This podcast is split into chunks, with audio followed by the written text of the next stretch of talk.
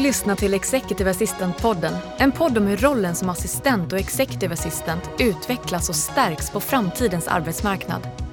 Podden produceras av Företagsuniversitetet i samarbete med nätverket IMA, International Management Assistance, rekryteringsföretaget Inhouse, röst och ljudproducenterna Online Voices samt Nordic Choice Hotels.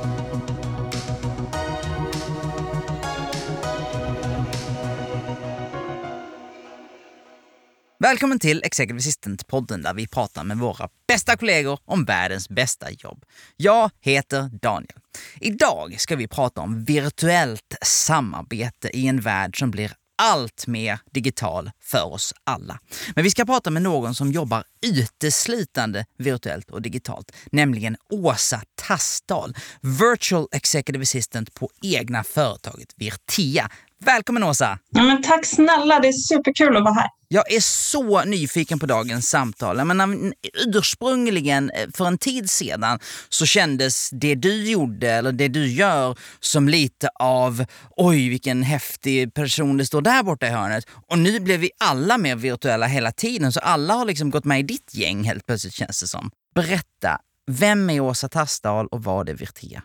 Ja, eh, jag har ju jobbat med all typ av administration egentligen i hela livet. Från att jag har jobbat på kundtjänst och jag har jobbat med webbshop och jag har varit på ambassad. Mm. Eh, men sen de senaste 10-ish åren så har jag jobbat som chefsassistent på framförallt stora bolag. Mm. Och eh, det är bland det roligaste jag vet och jag tycker det är en fantastisk roll. Men det jag märkte var att eh, entreprenörer har inte den tillgången. De har sällan de som jobbar med admin. De är mm. entreprenörer, de är vdar, eh, men i, på, i verkligheten så, så gör de allt annat. De köper kaffe, mm. de gör löner, de eh, funderar på hur de ska laga skrivaren eh, och så fakturerar de. Och så. Det, det kändes som ett väldigt waste of competence på många håll. Mm. Och det här fick mig att fundera på, men hur kan vi lösa det då? För de här personerna behöver någon som är senior, någon som ja, kan, kan springa själv helt enkelt. Ja. Eh, men de behöver det så lite tid i månaden och de som är riktigt seniora chefsassistenter, eh, de vill inte jobba deltid, de vill ju ha ett heltidsjobb. Så det, vi, eller det jag landade i det var ju att jag skapade Virtea och jag eh, och mina kollegor nu då, vi är fyra i Virtea numera, vi eh, hjälper entreprenörer, mindre bolag eller eh, chefer på stora bolag som har liten overhead i en eh, abonnemangsform kan man kalla det. Okay. Vi jobbar ungefär 15 timmar i månaden upp till kanske 60 timmar i månaden per kund. Mm. Och väldigt flexibelt och hjälper dem med allt från rena chefsassistentroller, väldigt mycket jag har en kund där jag gör väldigt mycket så här boka resor, boka kalender, eh, hantera personal, eh, sådana frågor till att jag har en kund där jag jobbar med ren säljadministration. Så det är väldigt blandat, men det som, det som vad ska man säga, drar samman det är att vi jobbar virtuellt. Ja. Eh, så vi träffar inte våra kunder särskilt ofta. Jag har flera kunder jag aldrig har träffat. Och vi gör det väldigt flexibelt. Vi kan jobba till exempel en kvart om dagen med vissa kunder. Ja. Och det finns ju så mycket att, att bena ut här nu. Jag, jag, redan, jag har redan mitt anteckningsblock fullt här.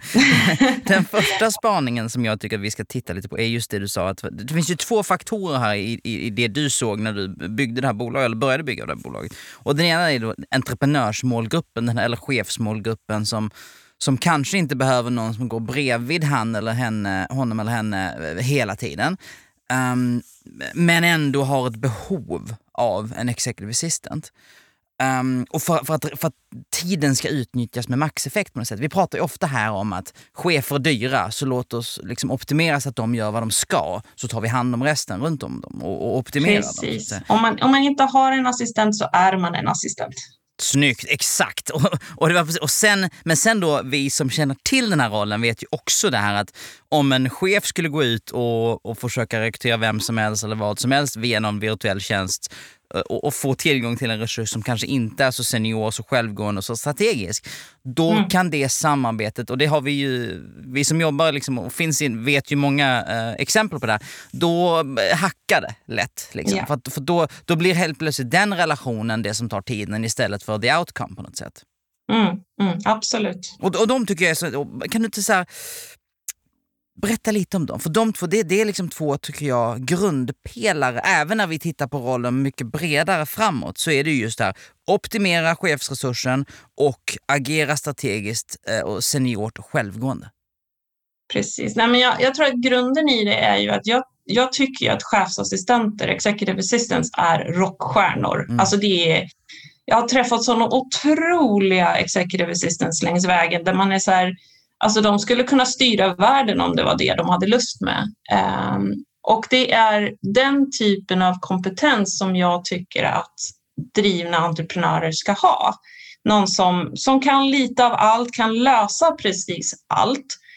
Uh, och där mm. grundade sig den här tanken att, att skapa någonting då som där de, de får en senior hjälp som mm. kan tänka strategiskt, som kan tänka jag brukar säga att vi på Veritea, vi är in your face assistants. Eh, vi kommer att stå där och säga, men varför gör vi så här? Ska vi inte göra så här istället? Eller, nej, men det där, det där tror inte jag på. Eller, hur har du tänkt här? Mm.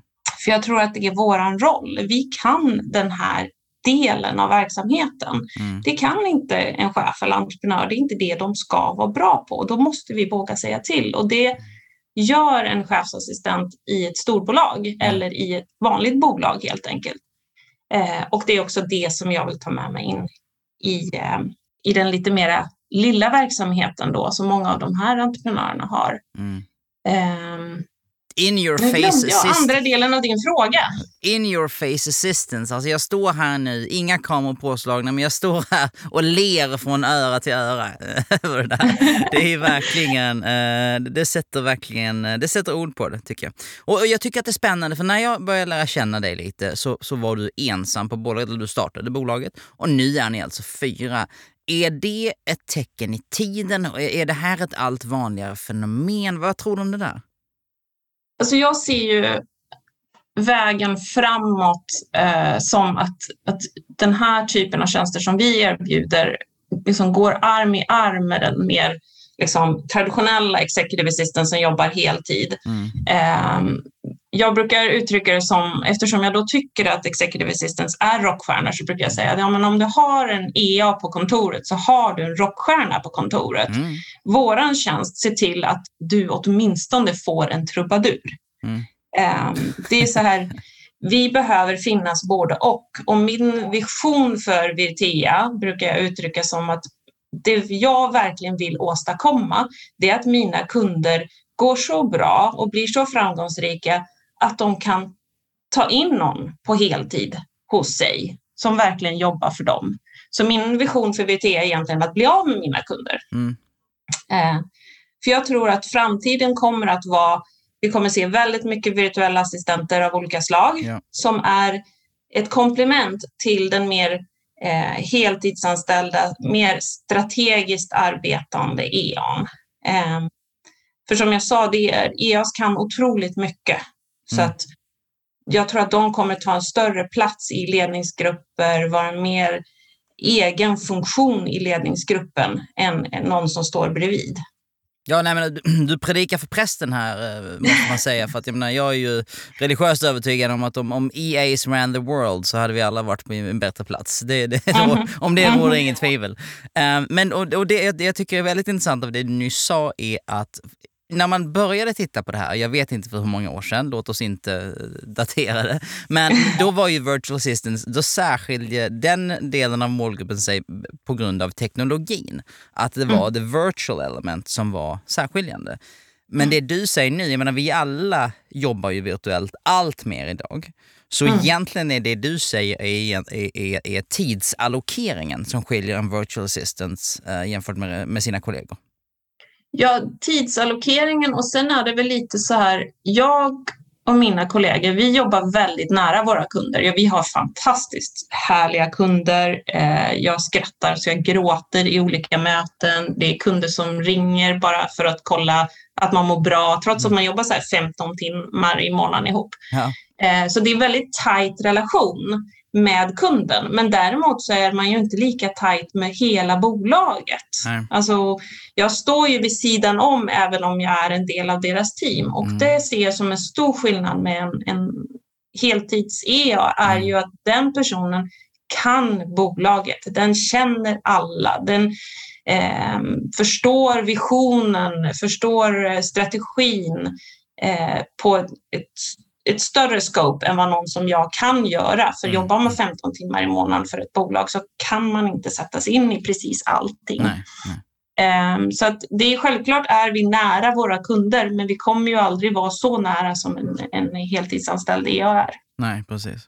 Och menar, med mina glasögon sett så är du en av de, du kanske inte är den första virtual executive assistant, men du är den första väldigt publika så att säga. Du är kanske den mest kända. Um, och, och, en fråga jag gick och, och, och, tänkte på lite var om du såg att det du gör som en framtida version av den här rollen som liksom vi alla kommer att arbeta i, eller om det är just den här, en, en annan gren som kompletterar det mer traditionella upplägget. Och som jag förstår det här så tror du på det senare. Ja, alltså jag ser det ju som eh, att vi är bara olika bilmärken. Mm. Alltså det är, eh, man kan behöva lite olika typer av bilar för olika typer av uppdrag eh, och vi kommer att komplettera varandra. Mm. Ehm, det jag ser framför allt är att vi kommer absolut ha fler virtuella EAs. Ehm, vi kommer också se fler virtuella EA som jobbar heltidsanställt för ett bolag men inte nödvändigtvis sitter där bolaget gör. Nej. Utan det kommer bli mer fokus på rätt person än på rätt plats. Um, jag, jag jobbar en hel del med eh, VAS i England som jag känner mm. och där finns det ganska många bolag som har en EA som är heltidsanställd men som inte sitter på samma ort som chefen i fråga.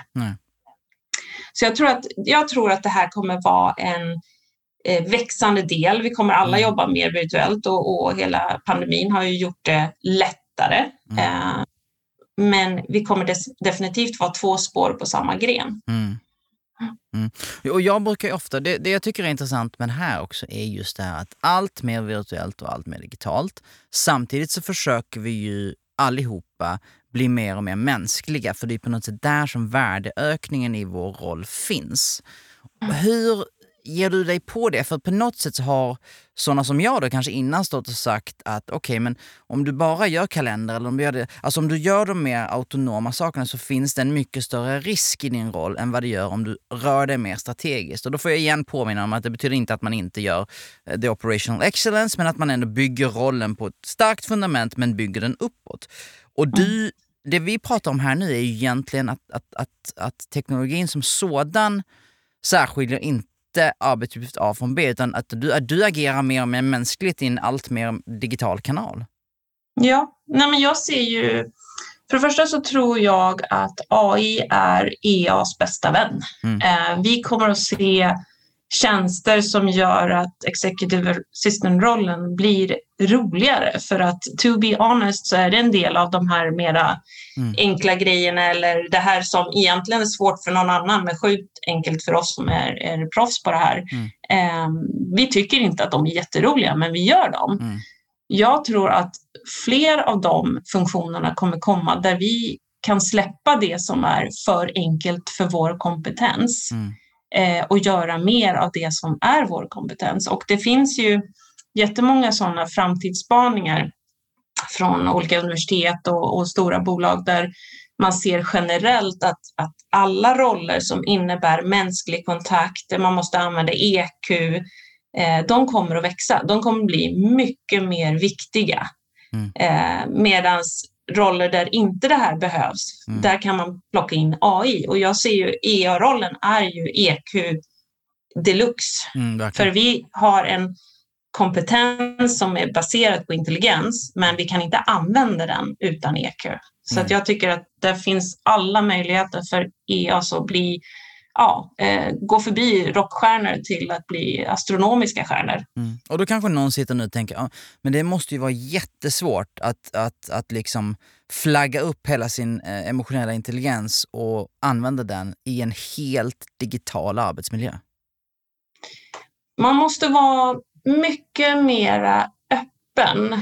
Um, vilket egentligen kanske inte är så svårt för mig, för jag pratar väldigt mycket och säger vad jag tycker i alla lägen i alla fall. Så kanalen spelar inte så stor roll.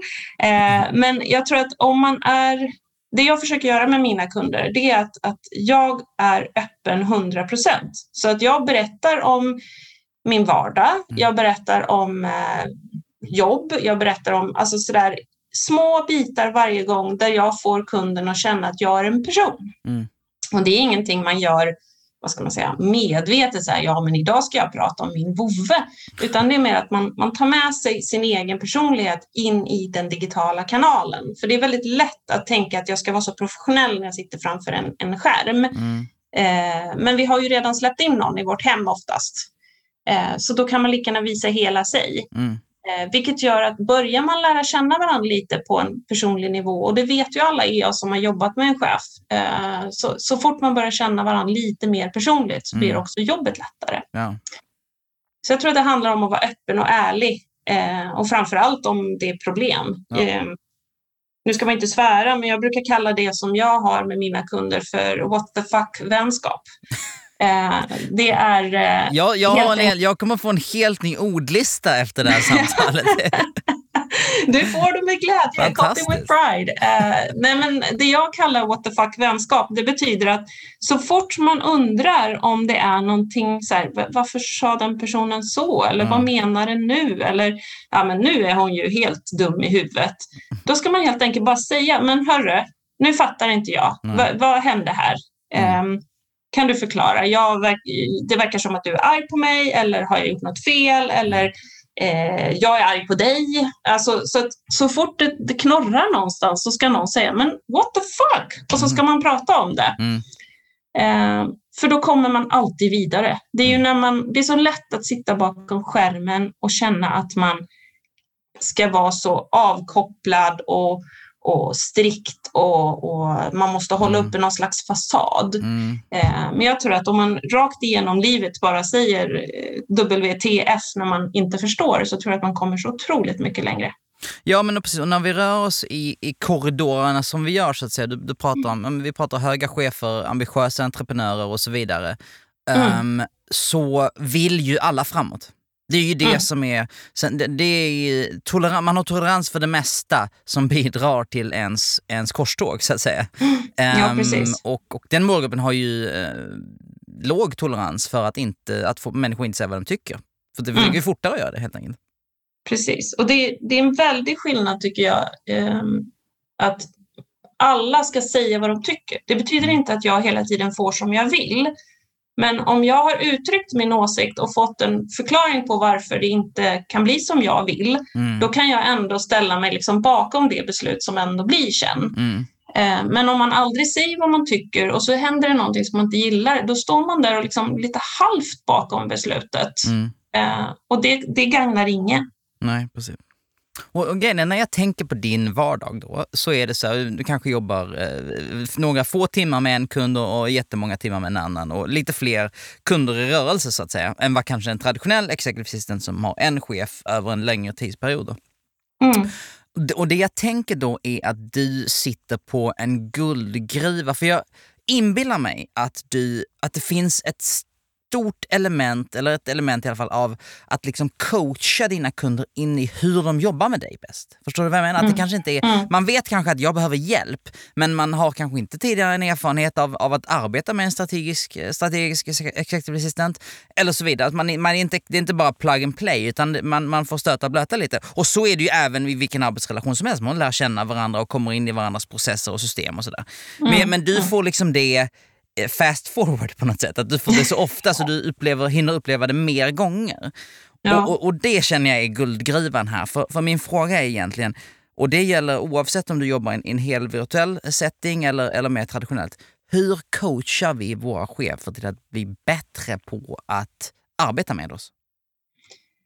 Jag tror att det jag försöker göra nu, det är att jag, jag ställer sällan liksom, vad vill du att jag gör? Utan jag ställer oftast frågan så här, ja men vad är det du tycker just idag är jobbigast, tråkigast, svårast att hinna med? Mm. Eh, vad, är det liksom, vad är ditt skoskal helt enkelt? Eh, och då får jag liksom någonting av dem som är så här, oh, men alltså det här, det här med att boka möte med den här eh, jobbiga föreningen som aldrig kan komma överens, eller det, det är mitt största problem idag. Eller eh, vi har så oreda på våra domäner, eh, jag vet inte vad jag ska börja dra i det. Eller, alltså, det kommer någonting som de spontant tycker mm. att ah, men det här är lite jobbigt. Så börjar man liksom dra i den tråden och sen så ställer man den här frågan om och om igen.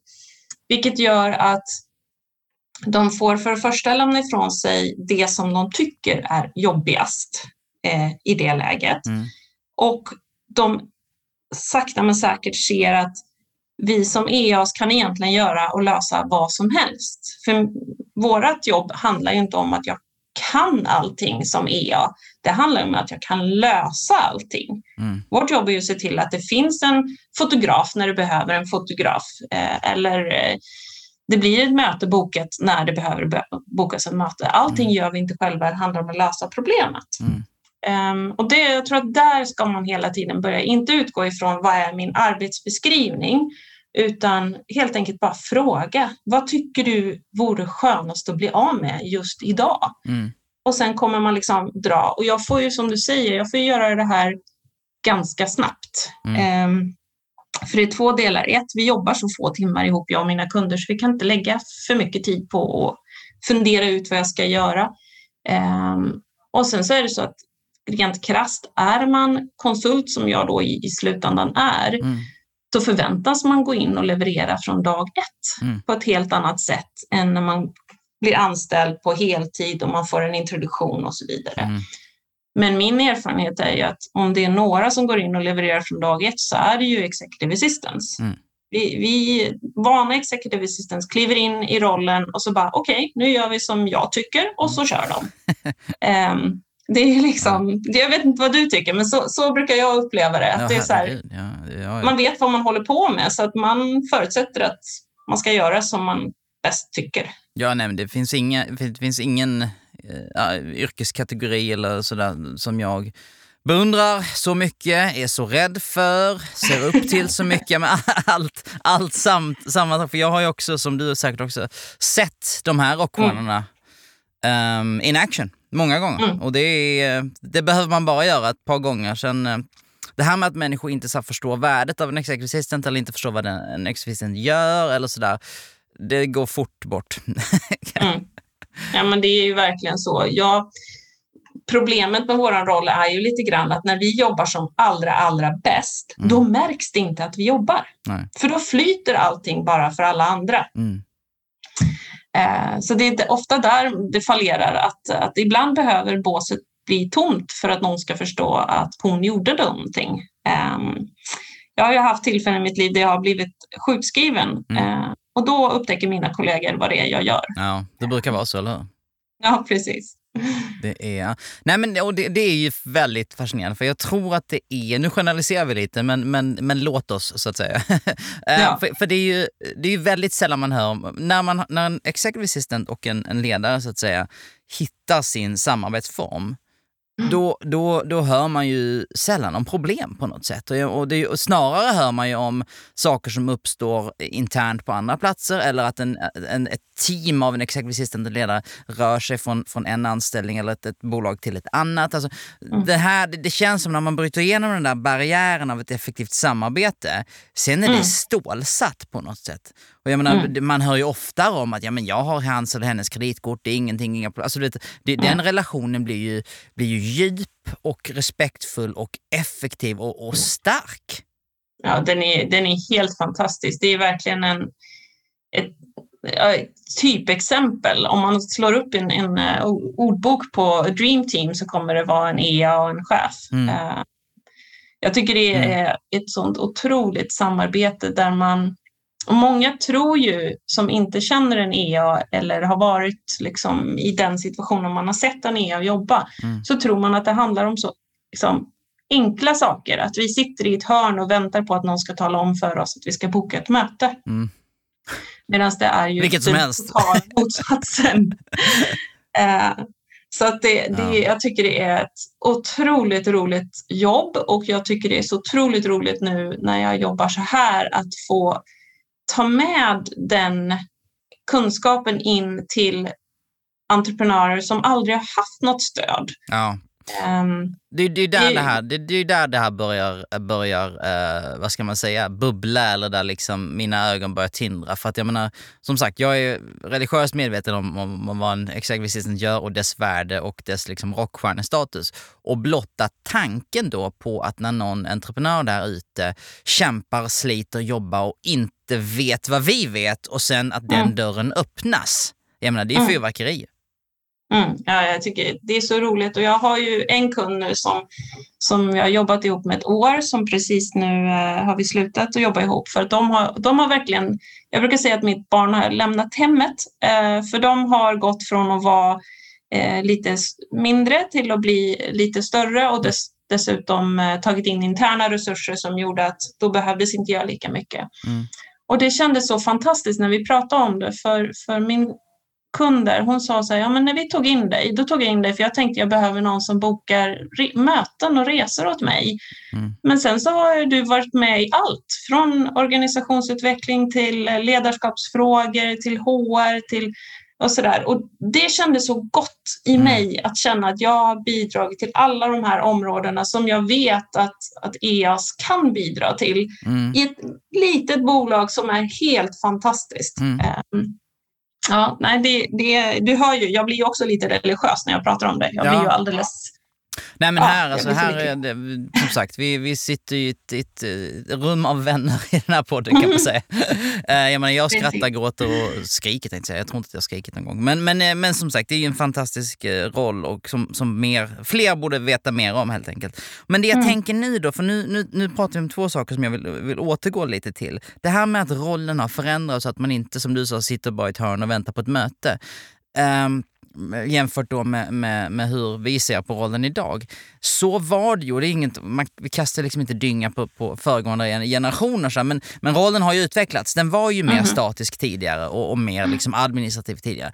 Och jag vill bara poängtera att den utvecklingen har inte bara magiskt landat i våra knän. Det har ju många, många kollegor kämpat och slitit för, eller hur? Mm.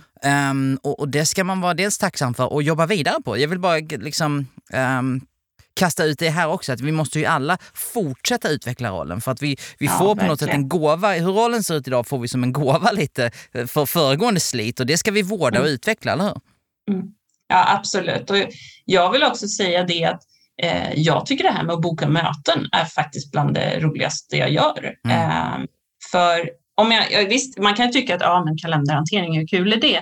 Men det jag ser det som är att jag har kunder som är otroligt upptagna. Det är, mm. Jag kallar det ju kalendertetris när man ska försöka få in någonting. Um, men det jag gör är ju att genom att få in rätt möten i rätt tid så gör jag det möjligt för dem att driva sin verksamhet framåt. Mm. Så, växer den? Det är väldigt ofta man säger att ah, hon bokar möten. Mm. Ja, men det är bland det viktigaste som Exakt. finns. Jag håller relation med kunder och leverantörer. Jag får folk att känna sig viktiga trots att vi måste boka om saker. Det är en otroligt viktig del av den här rollen som, som man inte ska liksom säga att Nej, men den, det är bara såna små grejer utan den är otroligt viktig för mig. Och vi pratade innan om det, när man, när man åstadkommer det där och får till det här dreamteamet. Du sa att om man slår upp dreamteam då, då ser man en chef och, och en EA där. Om man nu sitter och, och känner att vi, vi är inte riktigt där än. Vad är dina tips och råd till hur, hur börjar man jobba med det och vad adderar man? Och, för man vi, vi vet ju att om vi kommer dit så, så blir det bättre för alla på något sätt. Mm. Nej, men jag tänker, om jag ska vara rent krasst, så fråga nummer ett man ska ställa sig är jag med rätt chef? Mm. Eh, för många gånger är det så här, ja men chefen är konstant och EAN kan man byta ut. Eh, nej, så funkar det inte. I ett team så är det två delar och båda delar måste vara rätt. Mm. Jag har jobbat med chefer som är helt fantastiska, men inte för mig. Jag såg ju att den här personen är en grym företagsledare mm. eh, och, och, på alla sätt en bra person, men vi är så vi är inte i synk. Eh, och det betyder inte att jag är dålig, det är bara att vi inte synkar. Vad kan, kan, vi, vad, vad, vad kan, det, kan du ge något exempel? Vad, är, vad kan en sån osynk vara? Ja, men det kan handla om väldigt mycket om, om värderingar och ja. ens varför. Mm. Eh, när man känner att om man delar värderingar och varför, då tar man beslut som leder åt samma håll med automatik. Mm. Medan när man inte gör det så kommer det instinktiva beslutet att vara någonting som skiljer sig från den andra. Mm. Och det kommer man inte komma förbi. Hur, man, hur mycket man än vill så kommer man inte runt det och man kommer inte någonsin komma till en synergi som är riktigt bra.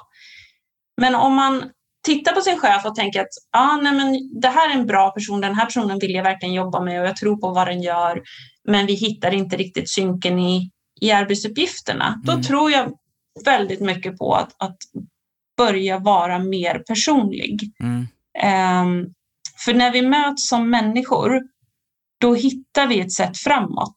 Mm. Um, för då börjar vi förstå varandra. Varför jag har haft jättemycket sådana exempel med kollegor där man säger men herregud, hur svårt kan det vara att komma i tid på morgonen egentligen? Mm. Man sitter och irriterar sig liksom. Ja personen är alltid tio minuter sen. Alltså, hur kan det här liksom så här, mm. Tills man så här, får höra hur den personens morgnar ser ut och man förstår att den gör verkligen så gott den kan. Ja. Liksom, det är någonting i dens morgnar som gör att det är svårt. Mm. Och då mm. kan man säga, ja, men vet du vad, om det är så att din buss går då och då eller du behöver lämna på dagis då och då. Ska vi inte bestämma att du istället börjar 8.15 och så mm. jobbar du en kvart längre på kvällen och så mm plötsligt så är allting lugnt. Och det är de här små sakerna och det är samma med när man jobbar med en chef. Mm. Varför gör den olika saker? Varför blir den irriterad över olika saker? Mm. Um, vad är viktigt? Vad är prioriteringar? Mm. Och det är samma för oss. Vad är våra prioriteringar? Vad är viktigt? Vad gör oss irriterade? Mm. När man kan börja nysta i det så kommer man komma närmare varandra. Eh, och jag tror att många börjar i fel ände. Man mm. tittar på hur kan jag göra de hårda bitarna så bra att alla blir nöjda. Mm. Men de hårda bitarna funkar inte utan de mjuka bitarna. Men du, när det inte då funkar, vad kan, jag, jag bara en spontan fråga, jag kommer vad kan få dig att tappa respekten för en chef? Där skulle jag säga att det, det kommer ett ganska instinktivt svar och det mm. handlar om hur den personen behandlar andra människor. Mm. Eh, jag själv är en person som kanske antingen säger jag ifrån mm. om jag tycker att det är dåligt beteende mot mig. Eh, eller så går jag därifrån. Om jag, om jag har en, en eh, chef eller så som inte beter sig, ja men då byter jag jobb. Det mm. liksom, eh, så att min egen personlighet gör att jag själv kan hantera situationen. Men det jag ser hos chefen i beteende mot andra människor, det är definitivt den här respektlösheten. Eh, den kommer att göra att jag inte längre trivs eller inte mm. vill jobba med någon. Eh, där jag har sett eh, andra chefer där EAS har berättat, ja nej men eh, var, varje möte vi har så sitter min chef och, och pratar illa om våra medarbetare. Mm.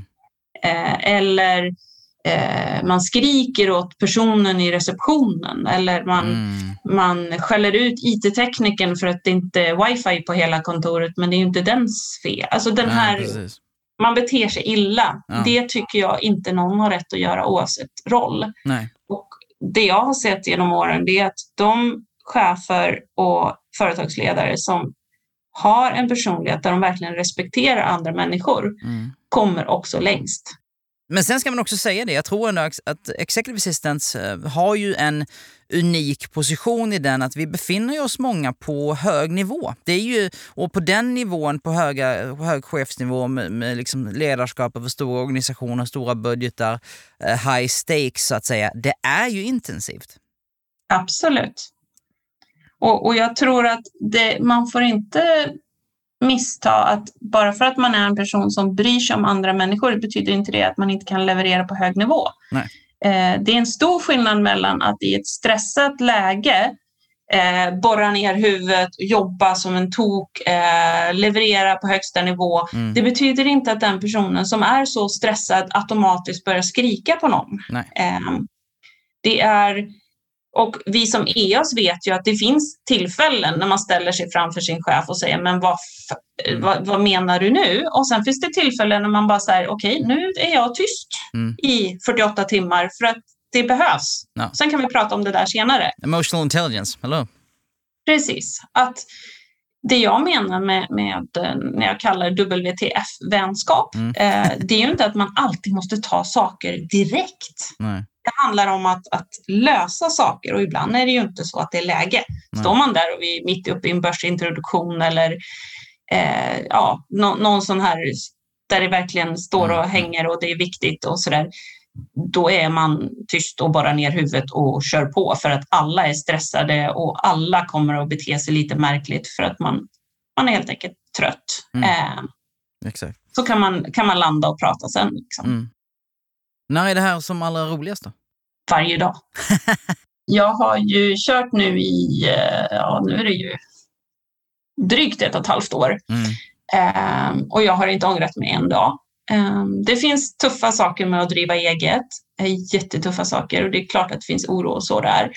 Men att få jobba med de här otroliga entreprenörerna mm. som där man känner också att allt jag gör ger effekt direkt. Mm. De, de ja. ser ju effekten av allting jag gör redan samma dag. Ja. Eh, och Det är otroligt roligt och jag får träffa så mycket varma människor och så mycket intelligenta människor. Mm. Och, eh, ja, det är ganska mycket att man står som en guldfisk med munnen öppen dagarna i ända för man mm. träffar så otroligt inspirerande människor. Fantastiskt. Nu tycker jag att virtea.se är ett utmärkt nästa steg för alla som har lyssnat och är lite nyfikna på att veta mer om er och om dig tycker jag. Um, jag vill också tipsa alla att hitta dig på LinkedIn och kanske tipsa lite nära och kära om din, din hashtag eh, admintips. Där, senast jag var inne så slutade det med att jag färgkodade om hela min kalender. Så det, kan, det har risk med sig ska jag säga. Men, eh, men jag tycker ändå att det är en, en fin sak du gör där. Åsa, stort tack för att du tog dig tid att vara här idag. Ja, men tack snälla, det var superkul verkligen. Du har lyssnat till Executive Assistant-podden producerad av Företagsuniversitetet i samarbete med IMA International Management Assistance, Inhouse, Online Voices och Nordic Choice Hotels.